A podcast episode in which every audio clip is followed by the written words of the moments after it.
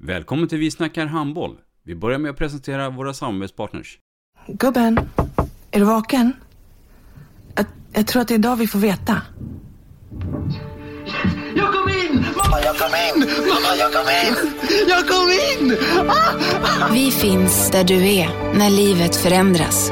För alltid välkommen till Länsförsäkringar. Nej men, ska du ha t-shirt på dig? Du, det är ingen vanlig t-shirt. Det är en nya bollar till klubben t-shirt. Och så matchar den grillkryddorna vi ska använda. Hur då? Men det är ju alla ska med på klassresan grillkryddor. Stötta barn och unga. Shoppa på newbodyfamily.com. Länge leve föreningslivet!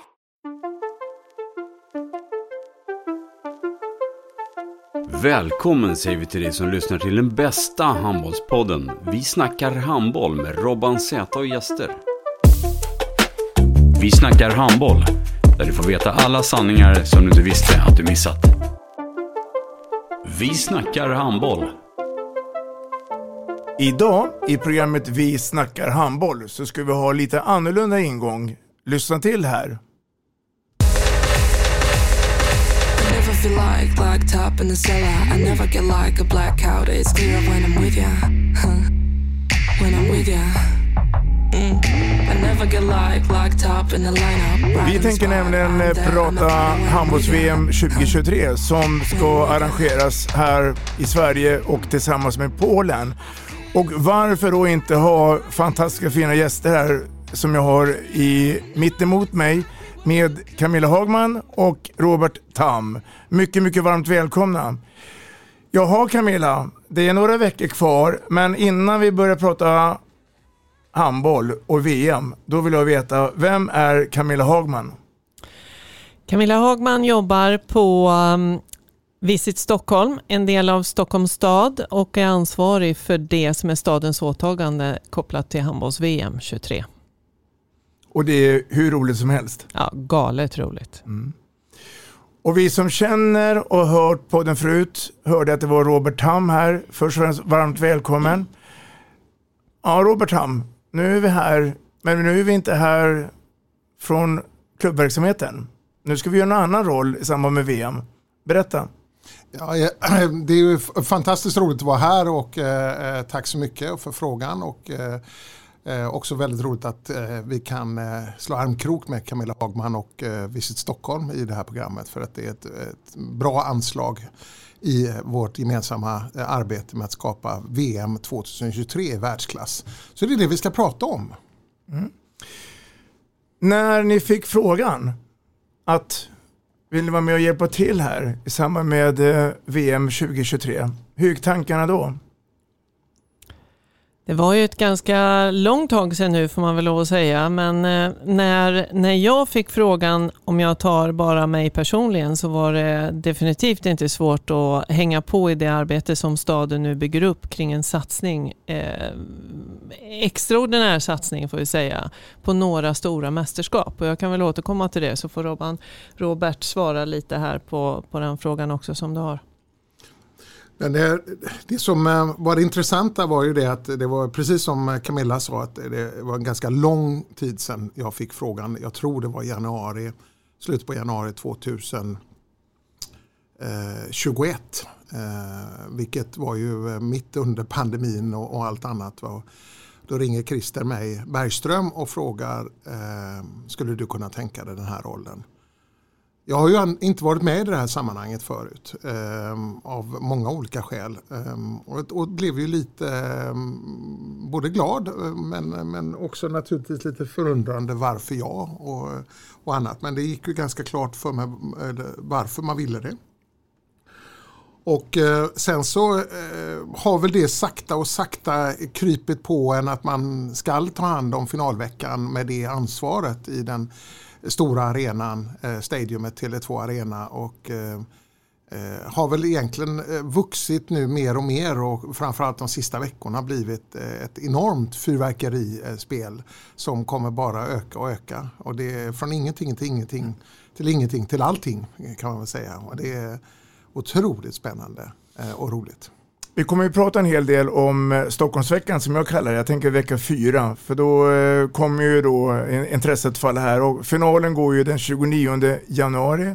Men jag tänkte Robert, berätta lite grann bara kort här. För att det är ju inte bara i Stockholm det ska spelas VM-matcher.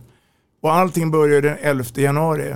Ja, det börjar ju i, i Polen eh, med en öppningsmatch med eh, då värdlandet Polen. Och vi delar ju arrangemanget eh, till stora delar med Polen i både förberedelser, genomförandet och, eh, eh av VM 2023. Och det, det är ändå eh, rätt mycket nationer som vi ska ta hand om. Och i Sverige så spelas ju gruppspelsmatcherna, alltså inledande matcherna spelas i Jönköping, mm. i Kristianstad, i Malmö och i Göteborg. Sen så kommer vi till en så kallad huvudrunda eller det vi brukar lite slarvigt kalla mellanrunda. Mm. Och de, eh, då hamnar de två bästa lagen i Jönköping och i Kristianstad hamnar då i svenska grupper eller spelar i grupperna. Och det I Göteborg? I Göteborg respektive Malmö. Eh, tillsammans med de som är kvar därifrån. Mm. Och då är det lite förknippat också vilka nationer också som som kommer. Jag tänker på Danmark. Danmark är destinerat till Malmö. Mm. Eh, så kommer de bland de två första lagen där nere, vilket eh, förhoppningsvis är så om rankingen ska hålla. Nu blev det ju inte så under EM, men, men, eh, normalt sett så brukar det vara på det sättet. Och då kommer de vara kvar i Malmö tills de behöver resa vidare till slutspelet. I Göteborg så kommer Sverige vara kvar sin gruppspel och sen se huvudrundan. Eh, under förutsättning att han kommer bland de första två. Till eh, Göteborg till exempel så finns det stor möjlighet. De högst rankade lagen är Kroatien och Egypten och de kan då tänkas komma till Göteborg om de löser Jönköpingsgruppen ordentligt. Mm. Mm. Och efter då mellanrundan eller huvudrundan så ska ju då de bästa lagen upp till Sveriges huvudstad? Ja, då, kommer, då, är, då spelas ju på onsdagen, eh, spe, finalveckan, vecka fyra, så spelas ju två kvartsfinaler. Och det är ju mellan, eh, eh, då kommer ettan, tvåan från huvudrundan i Göteborg eh, upp till Stockholm och ettan, tvåan från Malmö kommer upp till Stockholm. Mm. Och det är två matcher. Mm. För de möter ju kors varandra där. Mm. Och två matcher i Polen. Ja, och så kommer ju, sen så är det ju samma, samma situation sker ju i Polen mm. med de nationerna som spelar där nere. Det är ju, det är ju lika mycket grupper där nere. Mm. Och de spelar sina kvartsfinaler.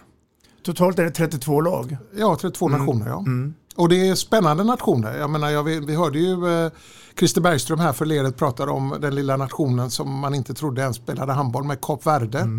Mm. Eh, kommer ju spela i Göteborg och mm. hela deras federation av utländsk handboll finns på Hisingen i Göteborg. Eh, och, det kommer ju bli en enorm publikfest nere i Skandinavium. Ska själv dit ner och titta. Mm. När du hör Camilla Robert prata utan manus ska vi säga, vad tänker du då? Imponerande kunskap. Jag mm. vet med vilka lag som spelar var. 32 lag är jag med på och att vi har kvartsfinaler, semi och, eh, och hela finaldagen här i Stockholm, det är jag med på. Det, det är det jag försöker ha koll på. Mm. Om vi pratar volontärer, funktionärer, är det en jätteapparat. Hur, hur lyckas man sy ihop allt det här? Alltså, Först och främst så har vi ju en, eh, ett EM 2020 att gå på. Mm. Um, och från det så finns det ett antal intresserade uh, att vara med här också. Vi har ju en hel del föreningsverksamhet där Handboll Öst har varit drivande på att hjälpa till med att skapa intresse. Både i biljettförsäljning men också att skapa intresse för volontärer. Och sen har vi ju varit ute på, i digitala medier att, och ansök, eller skapa ansökningar och eh, bass kring just eh, volontärsans eh, under hela sommaren. Mm. Vi har eh, till exempel Stockholm så behöver vi i runda tal underkant 400 personer som volontärer eh, i olika typer av befattningar. Eh, vi är mer eller mindre där nu men det intressanta är att vi har fått eh, eh, tacka nej till eh, över 200 personer. Mm. Och det är, sådana, det är personer som eh, kommer från utlandet som åker runt på olika mästerskap. Det kan vara olympiska spel och annat som vill vara med på det här. Men som då inte vi kan ta emot i Sverige eh, som volontärer tack vare exempelvis eh, visum och annat. Va? Och vi har tillräckligt med våra egna. Mm. Men vi har ett stort intresse från utlandet att vara med i detta också. Vilket det är, är jätteroligt. Va? berätta lite grann eh, om du kan, vilket jag tror. Eh, vad är det för typ av volontärer som behövs? Om man Uppgifterna? ja, alltså vi, vi har ett eh, 15-tal funktionsområden. Mm. Ett funktionsområde är säkerhet. Mm. Ett annat är hospitality vilket innebär mat, VIP-lösningar på arenan. Det tredje kan vara boende, alltså hotell med mera. Det är tre exempel på det. Och de, eh, de funktionsansvariga eh, har, kommer ju ha under sig ett antal t- eh, team leaders inom respektive område. Det kan vara i hospitality, kan det vara eh, en för varje VIP-lounge eh, på arenan. På boende kan det vara en teamledare per hotell till exempel. Och eh, i gruppen i varje hotell för teamledaren så kanske eh, hon eller han har eh, åtta eller tio individer som jobbar på hotellet med olika funktioner för att hjälpa nationerna när de är på, där eller delegaterna. Eh, Så det är både enklare uppgifter i form av hänvisning på plats där du ska sitta till rena säkerhetsperspektiv eller, eller transporter av eh, presidenten eh, eh, runt omkring i Stockholm. Så att det är högt som lågt. Och, och, och de här eh, knöttarna då, som vill, se sina idoler, kan de eh, få gå hand i hand i samband med eh, inmarschen in på plan? Kommer det vara sån typ av, av eh, eh, medspelare? Alltså, eh, från början så hade vi planerat för det. Och eh, det, är, det kommer, eh, och är det så att vi, vi gör det, jag ska återkomma varför vi inte, eh, eller varför jag hesiterar just nu. Det är det att eh, eh, Handboll Öst och föreningarna kommer att skapa en, en grej kring det när det väl blir aktuellt. Och då kommer föreningar ges möjlighet till att både motivera sin närvaro men också sin vilja till att vara där. Och så att det finns ett stort eh, intresse och behov för det. Så att vi är inte oroliga på att det kommer att fyllas. Nej. För den har vi redan fyllt den gruppen. Men skälet till varför vi hesiterar är just eh, covidfrågan. Och den, även om vi i Sverige är helt eh, borta från den och inte ens eh, tror att den finns runt omkring så är det så att i övriga världen så, och framförallt i Sydeuropa eh, och på internationella sportevenemang så har man en, en, en, en stor eh, otrygghet kring eh, covid, eh, eller pandemin rättare sagt.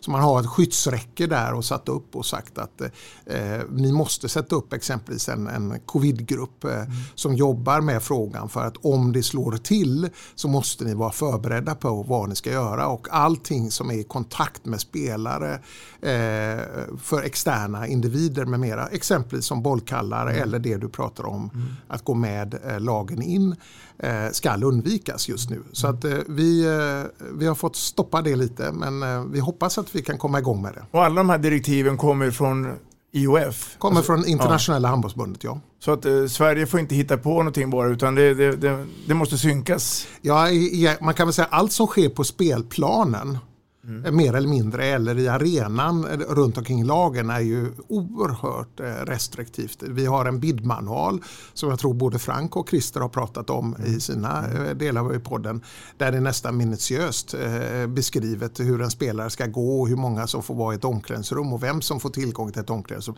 Jag till exempel med min akkreditering kommer inte få tillgång till ett omklädningsrum, alltså tillgång till spelarens omklädningsrum. Jag får inte gå in där ens. Av flera skäl. Dels utifrån eh, antidopingbiten.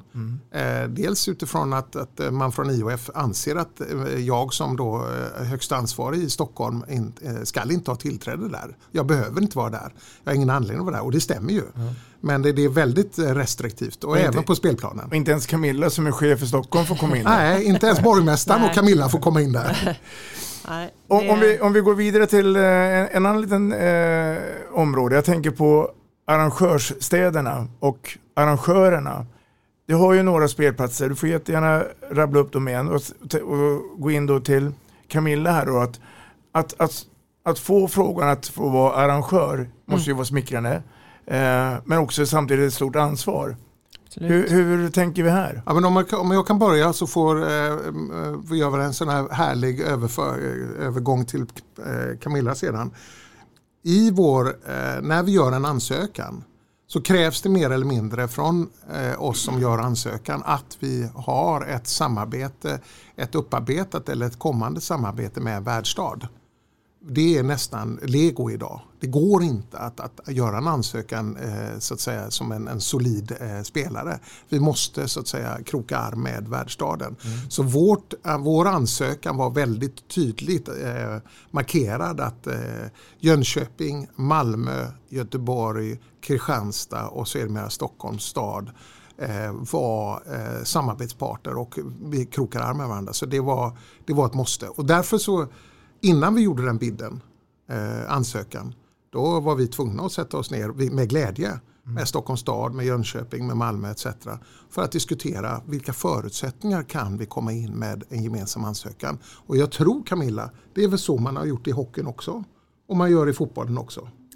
Hockeyn har en liten annan eh, bidprocess för det får man hem evenemanget först och så ser okay. man lite vilken stad som, som sen eh, har bästa erbjudande och bästa mm. förutsättningar. Så mm. att det, det, är lite olika men det är ganska vanligt som, mm. som handbollen jobbar. Eh, när det gäller Stockholms stads ansats, om jag, eh, om jag börjar eh, där i, i vårt perspektiv så en sån här satsning den görs inte ur ett tjänstepersonsperspektiv.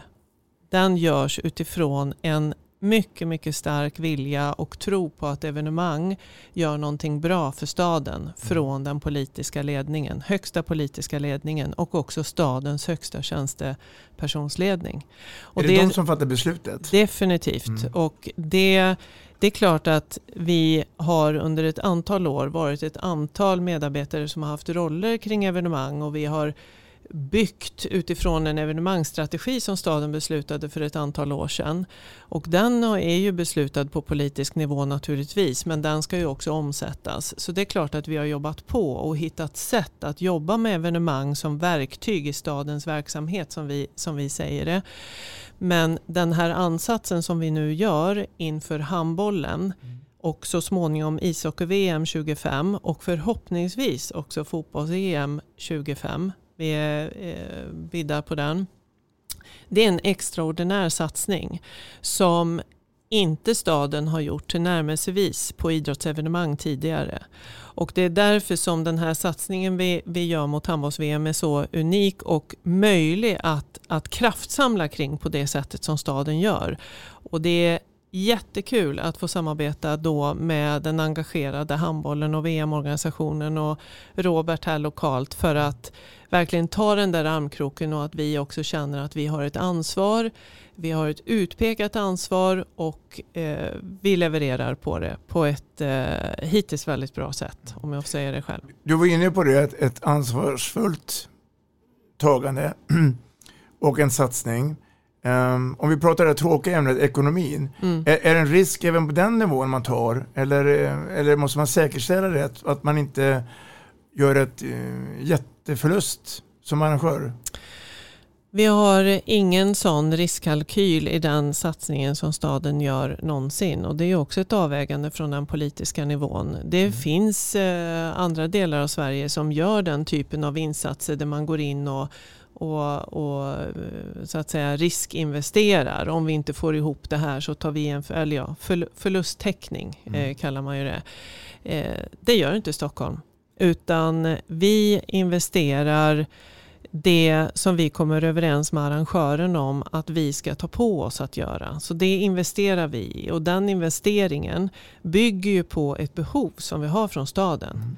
Det kan vara att eh, vi ser ett behov att näringslivet behöver kraftsamla eh, och näringslivet får tillbaka något av evenemanget. Det kan vara att eh, förvaltningar och bolag i staden Eh, kan använda evenemanget på olika sätt och därtill genom att vi satsar i ena änden så möjliggör vi för förvaltningar och bolag i staden att kunna hänga på och förverkliga sina mål och så vidare. Det är så vi tänker. Det är så Stockholms stad tänker när man investerar. Så ingen förlusttäckning, nej.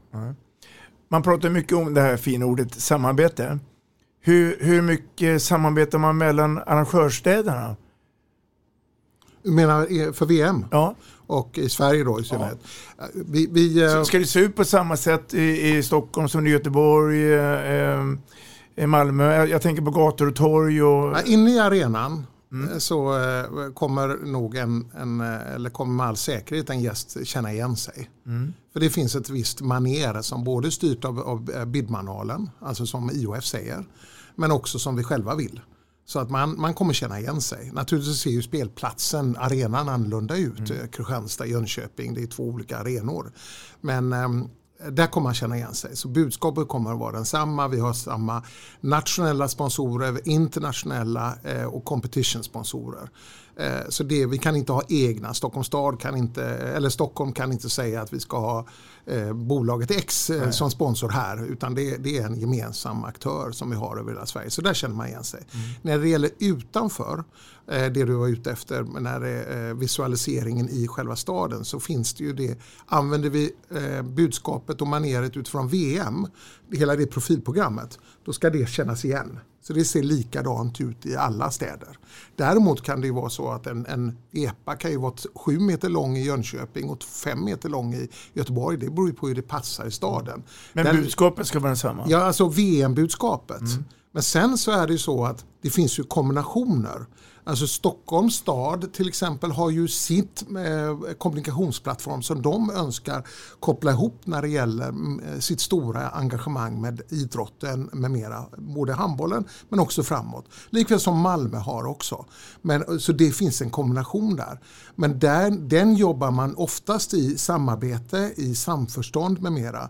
Och det är ju, eh, tycker jag, det är det som gör det här intressant att det som vi, vi jobbar väldigt mycket ihop med det är vad som sker utanför arenan. Mm. Allt ifrån hur vi tar emot eh, eh, besökarna, hur man tar sig från eh, exempelvis Göteborg, Arlanda eller etc. till Stockholm. Vårt anslag till besökaren och budskap sker ju långt innan man kommer till arenan. Mm. Det känns väldigt spännande och där har ju Stockholms stad alldeles nyligen lanserat sin kommunikationsplattform som är oerhört, eh, eller maner, oerhört spännande. Mm. Och jag, jag, berättar gärna om den eh, kommunikativa satsning som vi gör just för att eh, bredda och hålla ihop Stockholms värdskap. Men jag tänkte på en, en grej där när vi eh, pratar fem olika värdstäder i Sverige och hur vi samverkar eller om vi kör våra egna race. Och, eh, Sverige är ju Sverige är ju fantastiskt duktig på att organisera idrottstävlingar, det vet vi sedan länge, och evenemang. Eh, men vi är också ganska små sett till andra städer i Europa och hur man satsar och så vidare. Små i eh, hur vi vill investera pengar i olika evenemang och händelser och också eh, faktiskt också ibland eh, små när det gäller vilka arenor vi har. Vi bygger utifrån vår dimension och våra mått mätt. Då finns det en fantastisk styrka i att kunna jobba just i samverkan med andra mm. städer. För vi ser ju med de här stora mästerskapen allt oftare att vi tar armkrok. Och visst, det är Malmö, Göteborg, Stockholm som är de, de tre stora städerna med eh, störst möjlighet att kunna ta emot olika typer av stora evenemang. Glädjande är Kristianstad och Jönköping med i, mm. i det här gänget nu också. Som har stora arenor också. Eh, definitivt, mm. ur handbollsmått mm. mätt. Och det är det som, jag tror att den styrkan som kommer ur att vi samlas kring ett evenemang som nu handbolls-VM, det kommer också föda massa andra saker. Och nu är inte det här enda samarbetet som sker naturligtvis. Det finns mängder av olika nätverk och andra typer av evenemang också.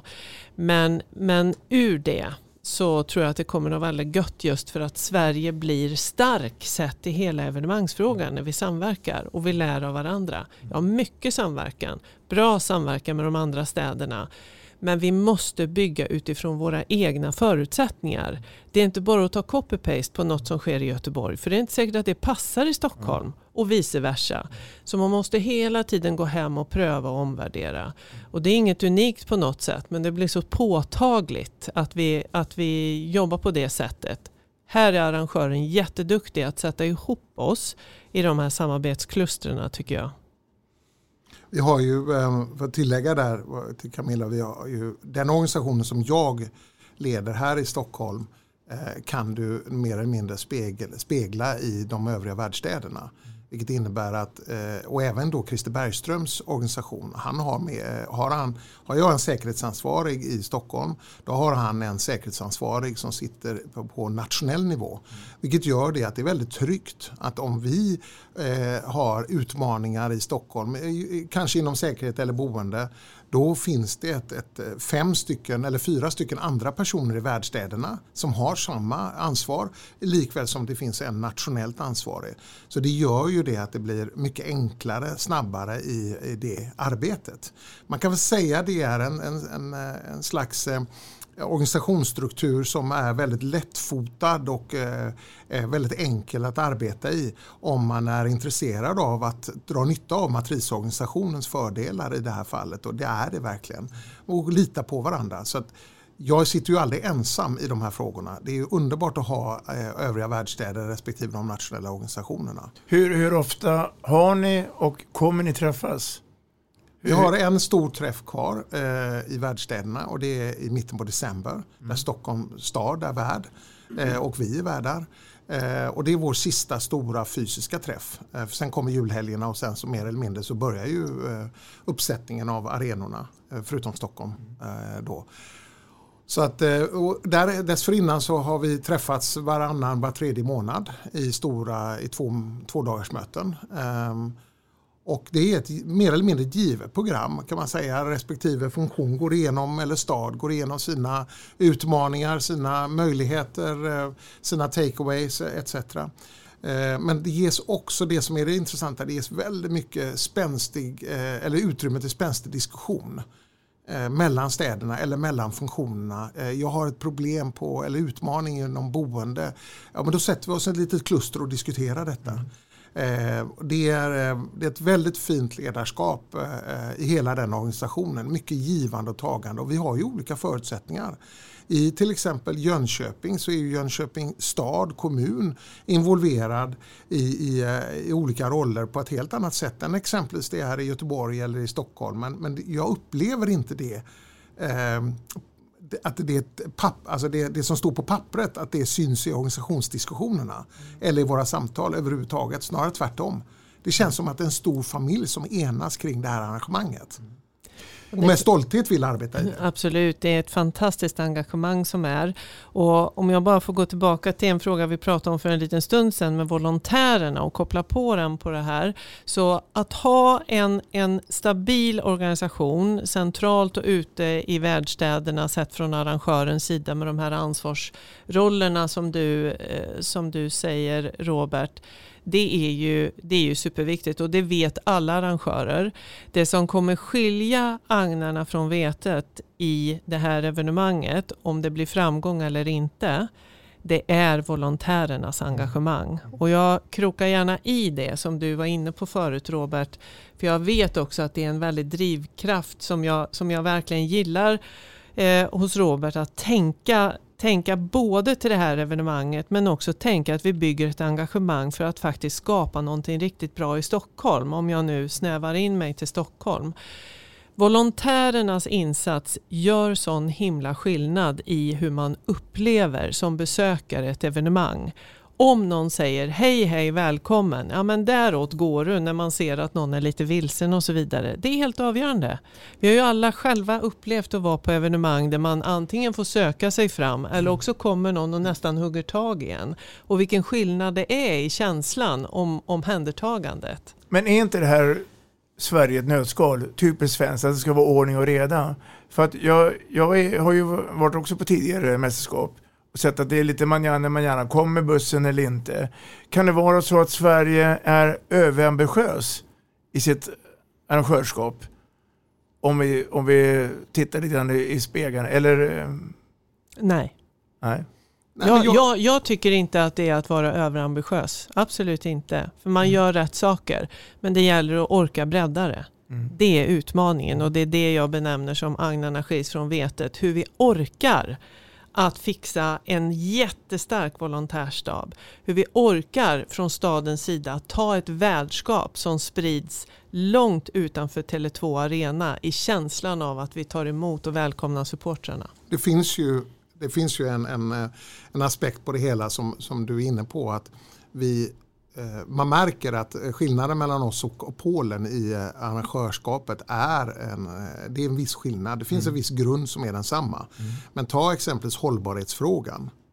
Eh, hållbarhetsfrågan eh, i, i Polen handlar ju om vad som händer i arenan mer eller mindre. Alltså exempelvis hur, vilka fraktioner kan man slänga skräpet i? Eh, vad gör man med maten? Eh, vi har tagit det långt längre, eller betydligt längre än det eh, under ledning av Christer Bergström och Thomas Björn då, som är vår hållbarhetsansvarig på nationell nivå. Där vi pratar inte bara vad som händer på arenan utan vi pratar också vad som händer utanför. Hur åker eh, vi som jobbar med arrangemanget eh, vi, eh, mellan Stockholm city och Tele2 Arena? Ehm, hur, eh, hur, hur, vilket arv ska vi lämna efter eh, vilket arv ska handbollen lämna efter VM 2023 till Stockholms stad, till medborgarna? Inte bara att vi vill ha flera som håller på med handboll och intresserar sig av det utan det kan finnas också ett annan typ av arv. Det vi kallar social hållbarhet, alltså att vi, vi idrottar mera, vi rör oss mera. Och där har vi ju redan startat med mängder av olika aktiviteter utanför arenan eh, i Stockholms stad, ihop med Stockholms stad eh, och andra typer av, av organisationer för att då eh, utifrån VM 2023s plattform skapa denna sociala hållbarhet. Den existerar ju mm. knappt i Polen. Men det beror ju på att vi själva har en ansats som har gått mycket längre än egentligen vad vi står i bidmanual och annat. Men det är som svensk handboll vill göra. Mm. Så där är vi unikare, eh, jag tycker bättre då. Men det är ju för att jag är kanske lite jävig. Men, eh, och jag gillar det. Jag gillar det att det inte bara det som sker på spelplanen utan att att, och det är därför som det engagerade mig, det här att vara ansvarig, att få vara med och göra ett avtryck för framtiden. Lite grann som Camilla var inne på också. Jag tänkte vi skulle alldeles strax gå in i, som jag kallar det, vecka fyra. Det är alltså då VM-veckan i Stockholm. Men innan det så ska ni få en eh, höra en känd röst och hans tankar och, och eh, idéer om VM. Lyssna här nu har precis kommit hem. Det här var Claes Hellgren från eh, EM eh, handboll i damer med en otroligt fin känsla på hur duktiga de här lagen har blivit. En enorm utveckling när det gäller både fysik, fart och spel. Överhuvudtaget så är damhandbollen en av de allra bästa produkterna att kunna titta på. Och själv tycker jag att det är högklassigt. Eh, det som har varit lite jobbigt har varit ibland att tänka på att värdnationerna spelar, då fyller man hallarna. Men när sen värdnationerna spelar klart så var det flera gånger som, som publiken gick därifrån. Så det var mera laget eh, och landet än att det var se sporten. Jag tror att det är otroligt viktigt för, för idrotten handboll som är så otroligt attraktiv i mina ögon. Att man ser till att de här, och speciellt som det var nu med tjejerna, det, att de verkligen får fullsatta hallar. För det är de värda. Nu kommer ju ett VM i handboll i Sverige och där har vi då visat sig att vi har varit otroligt duktiga på att arrangera de här. Och eh, jag har själv eh, köpt biljetter för mina kamrater och för de som jag har jobbat med till VM-finalen som går i Tele2 Arena. Det som jag tror blir extremt viktigt för totala succén är att se till att även de andra eventen som inte innehåller Sverige eller är finaler, att de fylls, eh, fyller hallarna om vi gör det så tror jag faktiskt att eh, sporten handboll kan fortsätta ta de här stegen som den, en av de absolut bästa tv-sporterna som finns. Så här blir det väldigt viktigt att man försöker få till att många får vara med och titta. Jag har ju själv varit med om att eh, när jag var fystränare i Hammarby fotboll, att man lyckades få hit folk med en ny kategori.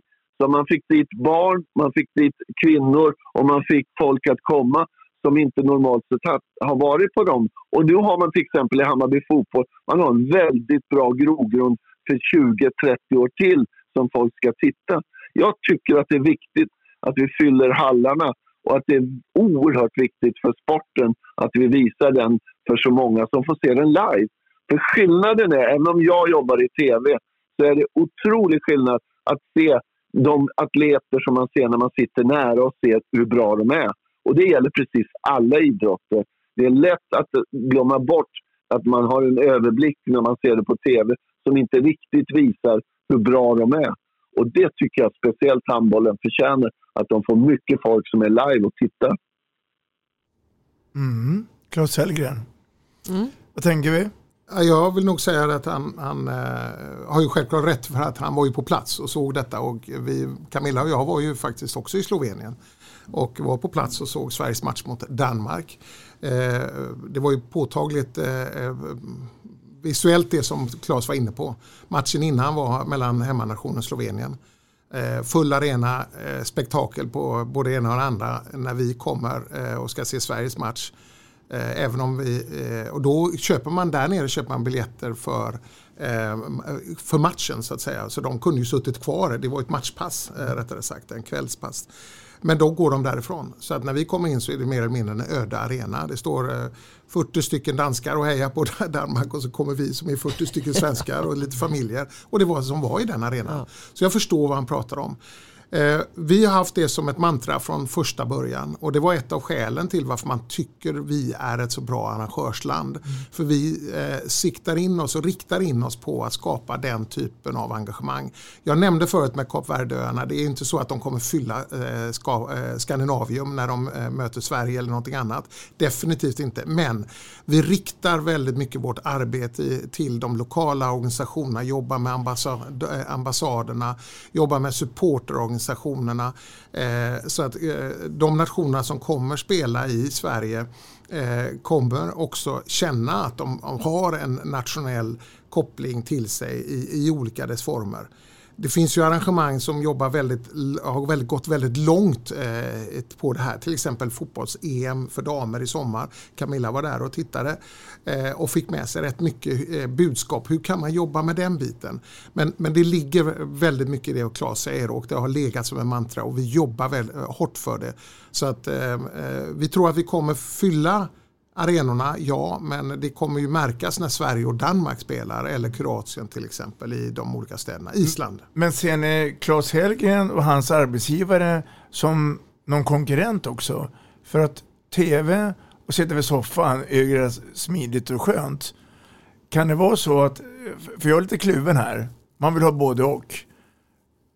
Nej, men inte, Hur tänker vi här? Nej, inte där. Det vill jag, det, där tror jag det är viktigt att det är ett komplement mer eller mindre. Att, att eh, det skapar ett intresse. Därför att tv gör ju marknadsföring. Men så märker man många som i det här fallet via Play. Nu kunde man inte, de flesta kunde inte ta sig ner till Slovenien. Men via Play hade inget samarbete med Telia. Vilket innebär att det var ju många som då ondgjorde sig för att de inte kunde se det. Så hade detta varit i Sverige på samma sätt så hade de säkerligen så eh, köpt biljetter hit. Mm. Eh, till våra arenor. Så att det är mer som ett komplement och ett stöd i det arbetet.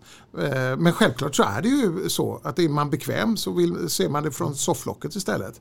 Men handbollen är en, en, en, en sport som vi, vi jobbar ju väldigt mycket med, upp, eh, lite som NBA, eh, med ceremonier runt omkring. eh, Upplevelser. upplevelser. Det, är, det är oerhört viktigt för att skapa en, en grej kring arrangemanget. Det är inte bara själva spelet utan du ska ta med dig någonting helt med något annat därifrån. Va? Jag håller med Robert. TV och ehm, eh, hela den delen är ett komplement. Och det finns ju ytterligare digitala funktionella möjligheter som du kan koppla på förutom att se matchen på TV. Så du kan aktivera dig på olika sätt. Eh, jag tror att vill man bli en bred publiksport och få fyllda läktare så måste det också komma ut brett i de svenska hemmen och kanske till och med de europeiska hemmen. Sen finns det en annan viktig aspekt till och det är att du har sportslig framgång och det måste man ju säga att herrarna har haft eh, grymt magiskt senaste tiden och damerna går också och spelar jättefint. Precis som Claes sa så så eh, även om man inte nådde hela vägen förstås eh, under EM här så spelar man ju periodvis jättebra. Så att det, det är viktiga aspekter. Grejen med att få fyllda läktare tror jag handlar om att man erbjuder någonting mer. Man måste skapa förutsättningen för upplevelsen, inte bara på arenan utan också runt arenan. Och det jobbar vi ju verkligen på. Robert var på det förut också. Att, att just göra massor med saker som driver intresset av att vilja se sina idoler, vilja se matchen live. Och det är ju, det är ju egentligen hela, hela grunden i den marknadsföringen som både arrangören gör men som också vi världsstäder naturligtvis bidrar till. Är det där då, då eh, vi kommer in att Robert, för nu pratar vi den lokala organisationen Stockholm, eh, att här har vi lite mer fria tyglar att kunna hitta på saker. Eller är det så att det fortfarande är ett regelverk? Nej, nej, nej, nej, det får vi inte göra. In i arenan är det ju det fortfarande. Ja, men utanför? Men utanför är det ju inte det. Så att, eh, där tycker jag ska definitivt lämna över till Camilla för att mm. berätta lite på vad, vad vi gör och vad vi tänker där. Jag skulle vilja börja i anden med att det finns ju en basverksamhet. Det finns ju i alla städer med handbollsföreningar. Mm. Det finns handbollsspelare mm. även om man inte spelar i landslaget. Och det finns ett handbollsintresse. Och tittar vi här i Stockholm så har vi ett jättefint samarbete och driv tycker jag från Handbollförbundet Öst och flera av de handbollsföreningar som finns här. Och sedan i somras så har det skett en mängd olika aktiveringar med eh, handball som ju är en, ett, ett sätt att, att skapa rörelse och energi runt, eh, runt handbollen på ett väldigt enkelt sätt. Och eh, handbollföreningar har varit ute i en mängd olika sammanhang. Då inte bara handbollssammanhang utan det kan ha varit på Kulturfestivalen på Sergels torg. Nej, inte Sergels torg, Kungsträdgården. Det kan ha varit i anslutning till Bauhausgalan eller eh, Global Champions Tour som är hästhoppningen på stadion eller i anslutning till något annat stort evenemang i staden. Där har man haft handbollföreningar som har kört handboll, aktivering, testa, prova på men också marknadsfört VM. Brandat i VM-manér. Jättebra exempel tycker jag hur också handbollen lokalt aktiverar sig för att dra nytta av evenemanget. Där möter man barn, unga och deras föräldrar. Möjligheten att engagera, intressera för handboll. Man får fler medlemmar men samtidigt marknadsför man då VMet och eh, mervärdet av att gå och se.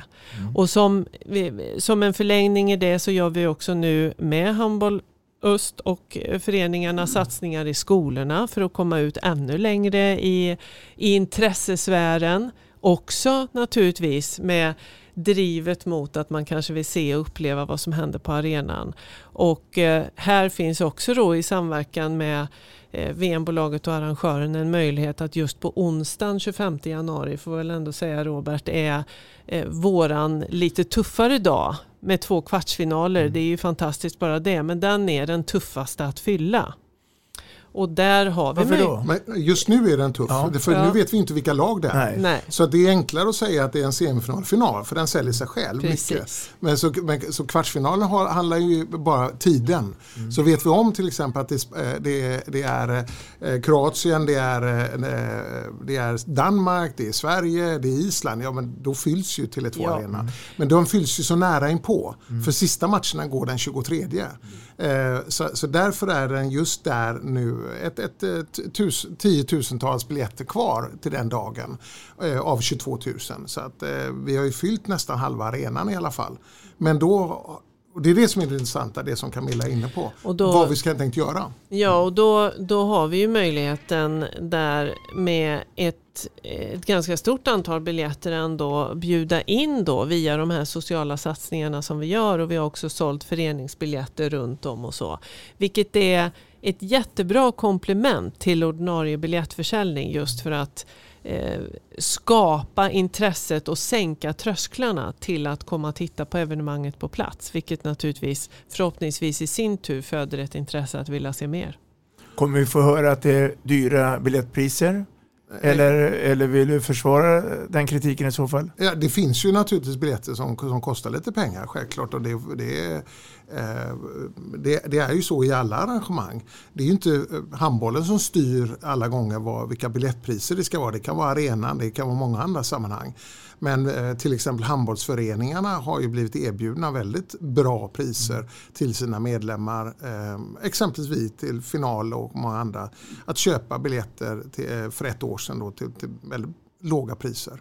Så att, ehm, eh, och även kommer det finnas på bra platser till acceptabla priser. Men ska du gå med en familj med en standardfamilj som det brukar vara i Sverige, en eh, två vuxna och två barn så, så eh, går det ju på ett antal hundralappar självklart. Då ska det vara lite mat med det och annat. Ta till exempel söndagen som det är fyra fantastiska matcher som du får se. Eh, det är otroligt på en biljett. Mm. När du normalt sett kanske bara får en match, nu får du fyra matcher. Världens åtta bästa lag. Ja, Jag världens tycker det, åtta bästa det, lag, det är helt eh, magiskt. Och det här faktiskt. är ju eh, eh, hela den dagen är ju fantastiskt. Det är ju matcher som kommer sändas över 200 länder. Över 200 länder, dock inte alla direkt men det kommer sändas. Det är över 500 miljoner människor som kommer se det här. Alltså, känn känslan bara, va? Alltså man, det, det, man får det axlarna, va? alla dessa, eh, den numerären.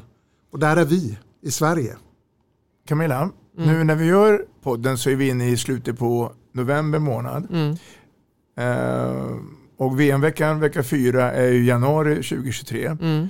Tele2 Arena, fotboll, sommar. Helt plötsligt skulle det vara handboll här. Mm. Jag tänkte att vi skulle prata lite grann om Tele2 Arena. Mm. Hur, hur, hur tänker man här? Hur skapar man rätta handbollsförutsättningar?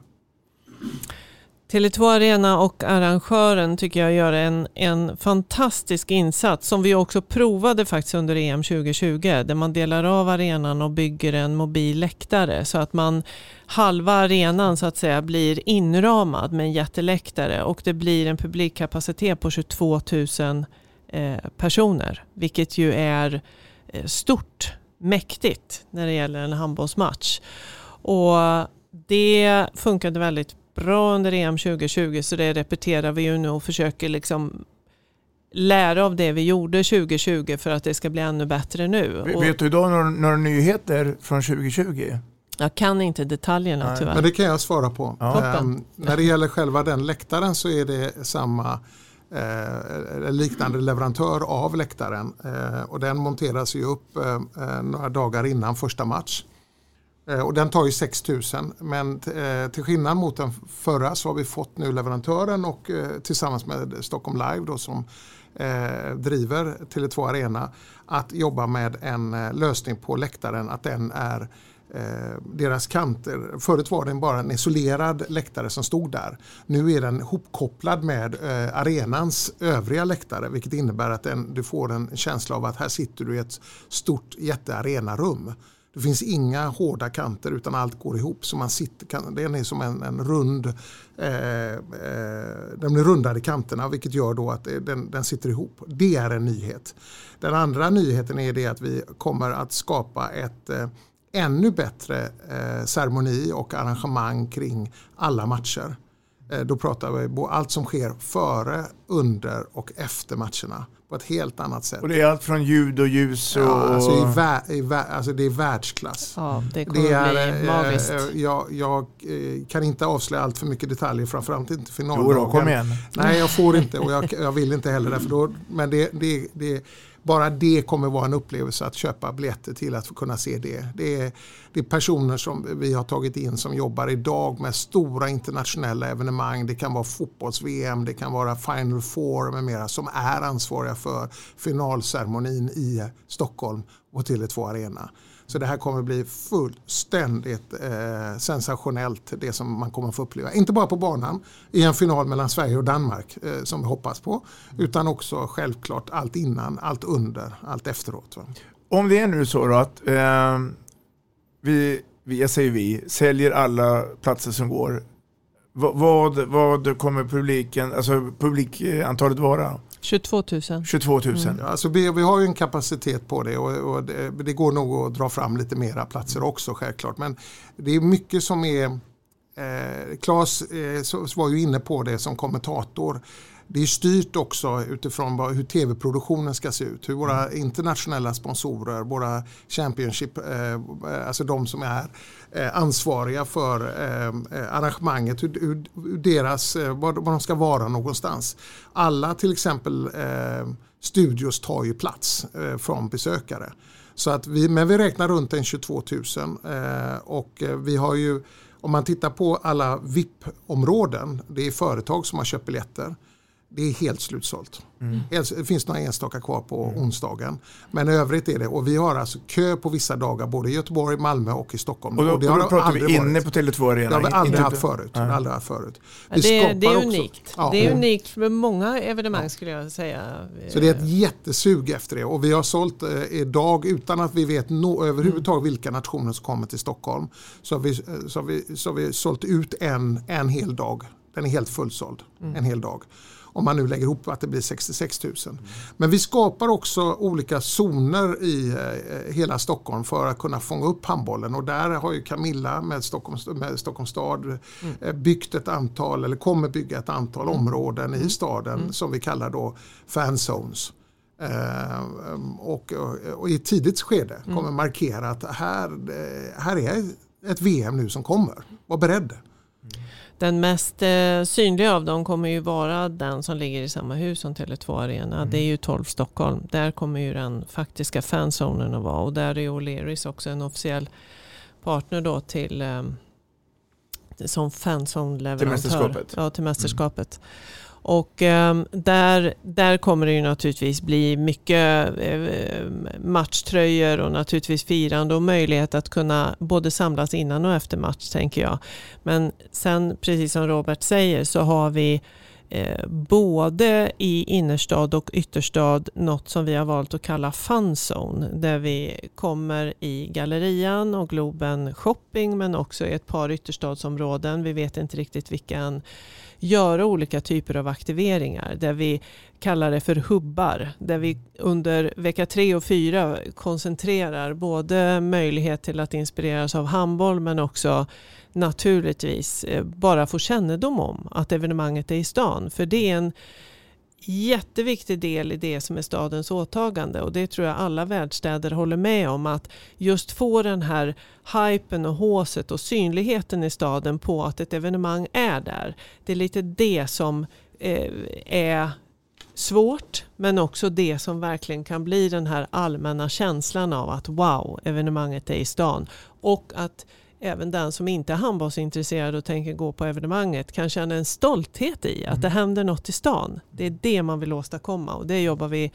eh, stenhårt med just nu. Just eh, värdskapet, kommunikationskoncept, försöka få ihop långt många fler i staden än vad som är handbollsintresserade i näringsliv, i förvaltning av bolag, i idrotten att gemensamt ta armkrok och verkligen visa den här, eh, det här fina värdskapet som vi tror gör skillnad. Robert, om jag får en eh, affärsidé, vilket jag har, och köper x, x antal korv med bröd, kan jag få stå utanför och sälja det? Utanför området, eller apropå det här vi pratar om, eh, regler och det. Alltså för det första så är det ju så att eh, eh, eh utanför arenan så finns det något som kallas ett polistillstånd. Alltså du måste ju ha ett, ett, ett eh, tillstånd att, det är, det är att sälja någonting. Att och, och, låt oss säga att du gör en ansökan på det. Då får de göra en bedömning utifrån den typen av antalet besökare som kommer eller personer som kommer vara runt omkring. Eh, det kommer att störa evenemanget i stort med mera. Vi kommer ju som arrangör kan ju inte eh, eh styra över området utanför. Så till exempel när vi, eh, våran sponsor som, som säljer merchandise, kläder med mera. Eh, de har ju tänkt sig stå, eh, precis som Hammarby fotboll gör, med en stor buss på Globenområdet utanför. Eh, alltså mellan Tele2 Arena kan man säga och Globen Shopping och Tele2. Det kan inte vi bara ställa dit en stor buss för merchandiseförsäljning. Det måste sökas ett tillstånd på. Och så får polisen säga ja eller nej till det.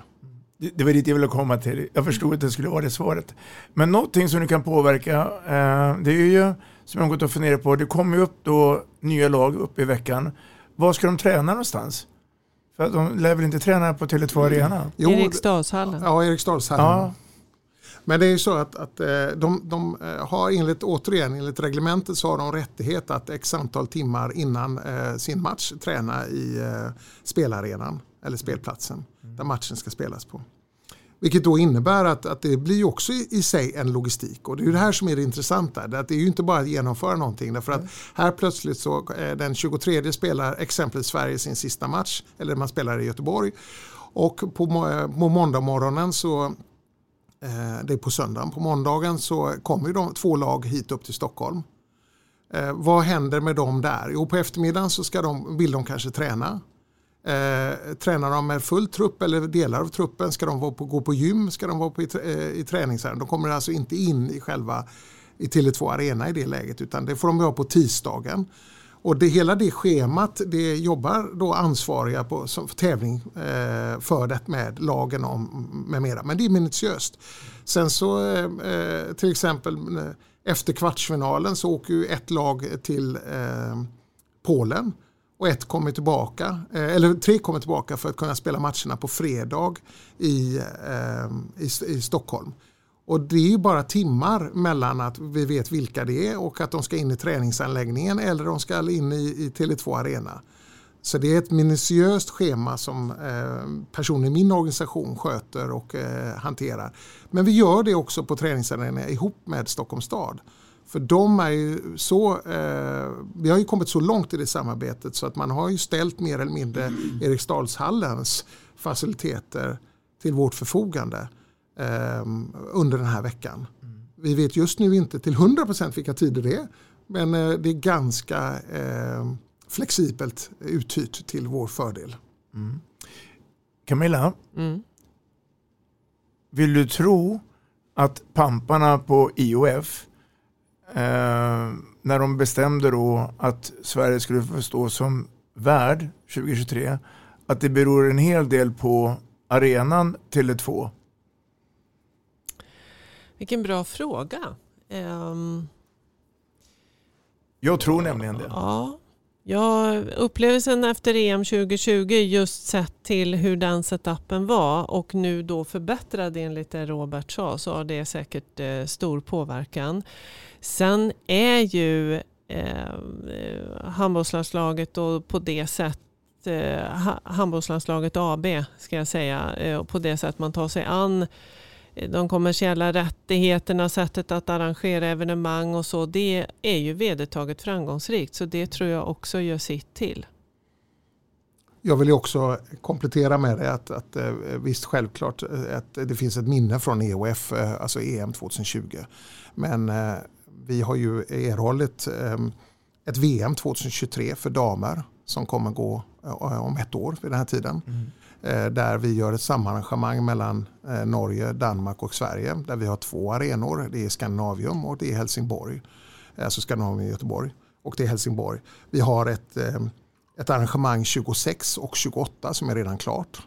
Så att vi, vi har ett stort förtroende inom handbollsvärlden för just arrangemang i olika dess former, eh, VM eller EM, damer och herrar. Eh, att kunna genomföra detta i världsklass. Så att eh, jag tror den kombinationen av lokalt förankring, lokalt engagemang, världsstädernas engagemang, arenornas struktur, enkelheten att ta sig i landet. Eh, logistikmässigt med mera. Det, det finns många faktorer.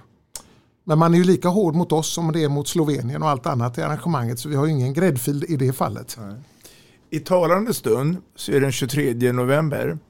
Då i min lilla matematik så är det exakt två månader innan lagen kommer till Stockholm. Då är vi inne i januari månad. Nu sitter ni ganska lugnt här. Finns det risk för att någonting oroa er och, och kan gå snett?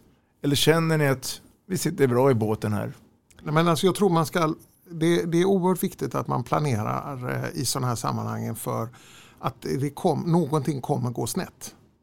Vi kommer aldrig veta till 100% vad som kommer gå snett för då, då, då blir det för enkelt i, i, eh, i organisationen och i, i hanteringen. Men någonting kommer gå snett. Och därför så måste du ha en organisation som kan klara av och förstå vad det innebär. Men också att, att jobba efter devisen the devil's in the details. Alltså det är detaljerna som avgör om du kommer vara framgångsrik. Vi kan inte till exempel glömma av att, att eh, ett, en nation har bytt flagga eh, några veckor innan VM. Så därför så till exempel så har vi beslutat att vid varje tekniskt möte så ska vi ha vi ska, vi, med nationerna, vi ska ha med en, en kopia på nation, nationalsången och vi ska ha flaggan. Mm. Så att lagen, lagvärdarna och de som är ansvariga för eh, nationerna kan säga att ja, men det här känner jag igen. Det här är faktiskt det som, och det är så enkelt. Eller, eh, eller vi kan inte missa att vi ska ha en bricka under alla medaljerna när det ska delas ut medaljer på söndagen. För alla affärer är stängda så vi kan, då skulle vi få hämta en plastbricka någonstans. Så det, det är en typisk sån detalj som är viktig för att den kan plötsligt vara så att internationella presidenten i handbollsfederationen och de övriga prisutdelare har ingen bricka och lägger märke på det. Och det kan vara avgörande om det är det absolut bästa arrangemanget i världshistorien eller ett okej okay arrangemang. En sån liten detalj. Så därför är det viktigt att eh, jobba med efter devisen The Devil's in the Details. Jag är inte rädd för att det ska gå fel, för jag tror inte att rädsla blir konstruktiv. Nej. Däremot så är det full beredskap på att allt är rörligt. Precis allt kan ändras och precis alla förutsättningar behöver bevakas och man behöver vara väldigt liksom beredd på att kunna kliva in, vara pragmatisk och då behöver man den här organisationsstrukturen som vi pratade om tidigare. Om du frågade mig om, om vi är övernitiska eller överambitiösa. Nej. Och jag hakar på det Robert säger. Har vi en bra grundstruktur så förutsätter det att vi kan vara otroligt väl förberedda i att också vara flexibla. Så rädslan tror inte jag är någon bra känsla för konstruktiviteten. Däremot mycket energi, mycket adrenalin, konstruktivitet och beredskap. Och känslan av allt kan hända, allt kan röra på sig, var redo. Och det är klart att ute i våra fyra världsstädskompisars eh, eh, kläder så har de lite tuffare för att de har längre spelperiod. Eh, vi kan, vi kan liksom hålla igång ganska eh, komprimerat under, under vecka fyra. Samtidigt så brukar Robert och jag utmana varandra och säga att ja, men det är ändå vi som är sista liksom anhalt på resan, VM-resan. Och det är den känslan man kommer ta med härifrån Stockholm. Så här gäller det att både leverera och kanske till och med överleverera för att det där ska bli riktigt, riktigt eh, knastrande och bra. Det är den känslan man tar med därifrån. Så bara för att vi har kortare spelperiod hos oss så betyder inte det att vi har en lättare resa. Men, men, men just det där till att hålla igång en beredskap, den är lättare att göra under, under kortare tid än under längre tid. Så just där har, har de andra fyra världsstäderna en liten annorlunda utmaning än vad vi har. Men vi har, en, men vi har en viktig bit till slut i alla fall som jag tror är, är, är väl värt att säga. Det är att vi måste skapa en organisation eh, Eh, där funktionsansvariga och teamleaders är beredda till att ta ansvar för sin situation där de är just nu. Att våga ta ett beslut. Och eh, tar vi ett beslut i något håll som eh, är till gagn för mästerskapet och till eh, epitetet världsklass. Då kan vi alltid diskutera det efteråt om det var det allra bästa eller vi skulle gjort annorlunda. Men vi kan inte kritisera oss för att ha tagit ett beslut. Men vi ska också ha, med det sagt ska vi också veta det att när vi nu spelar finalerna och allting, då kommer alla delegater av rang och man har också från internationella handbollsförbundet bjudit in personligen alla världspresidenter i alla federationer eh, för att då besöka, vara med här. Och vilket innebär att du har en enorm attention på vad som kommer hända i Sverige under den här veckan. Eh, vilket är ju spännande i sig. Men du har ju många som tycker och tänker och vill vara med. Och där gäller det att bygga en organisation som klarar av och mäkta med det eh, samtalet. Och, och, du kan alla språk? Nej, det kan jag inte. Men tyska och engelska klarar man sig ganska långt på. Det är bra. Du, eh, som handbollare och fan till handboll och intresserad av handboll, vad skulle du rekommendera årets julklapp, Robert? Ja, självklart, det var ju en, en, eh, en, eh, skott mot ett öppet mål. en straff från inte bara sex meter utan från, det är självklart en, en, en julklapp är ju en biljett till eh, VM. Festivalen, inte bara i Stockholm utan också i de olika världsstäderna självklart. Jag menar en kombinationsbiljett eh, i Jönköping eh, för att sedermera ta sig till Göteborg eller upp eh, till finalhelgen är ju underbart.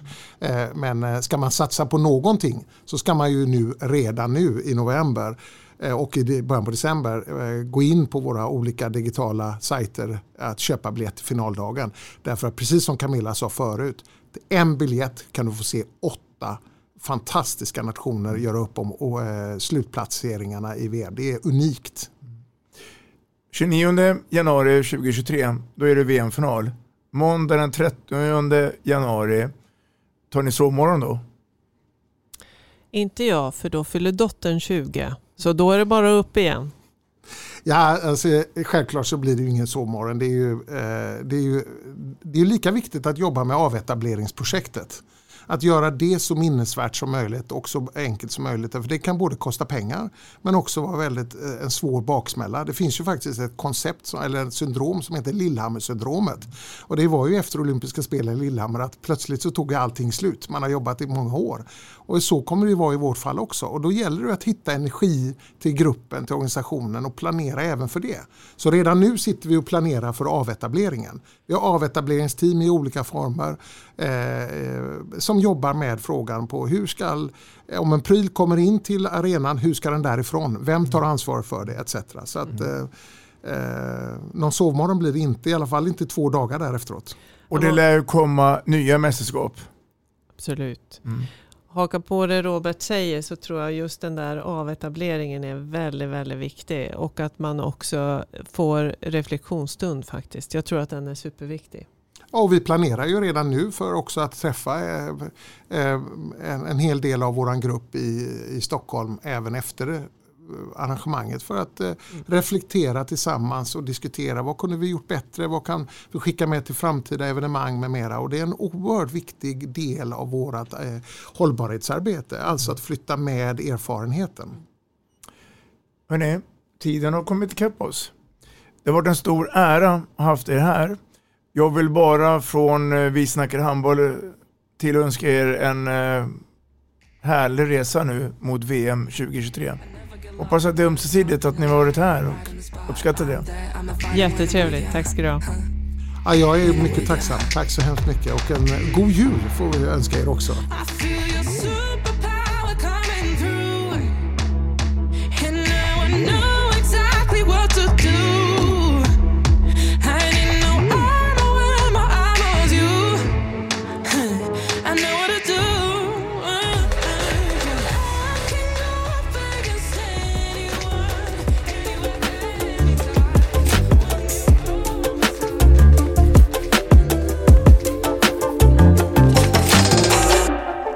Vi snackar handboll, där du får veta alla sanningar som du inte visste att du missat. Vi snackar handboll. Vi snackar handboll produceras av produktionsbolaget High On Experience, från vision till passion. Ett avslutande tack till våra samarbetspartners. Hallå! Kommer ni eller? Ja, ja. Har du sett mina ankelsockar? De här? Nej, nej, jag menar skridskoslip till juniorlaget Ankelsockarna. Ja, men kolla bredvid träningsläger med handbollstjejerna-t-shirtarna. Stötta barn och unga. Shoppa på newbodyfamily.com. Länge leve föreningslivet! Gubben, är du vaken? Jag, jag tror att det är idag vi får veta. Jag kom in! Mamma, jag kom in! Mamma, jag kom in! Jag kom in! Ah! Vi finns där du är när livet förändras. För alltid välkommen till Länsförsäkringar.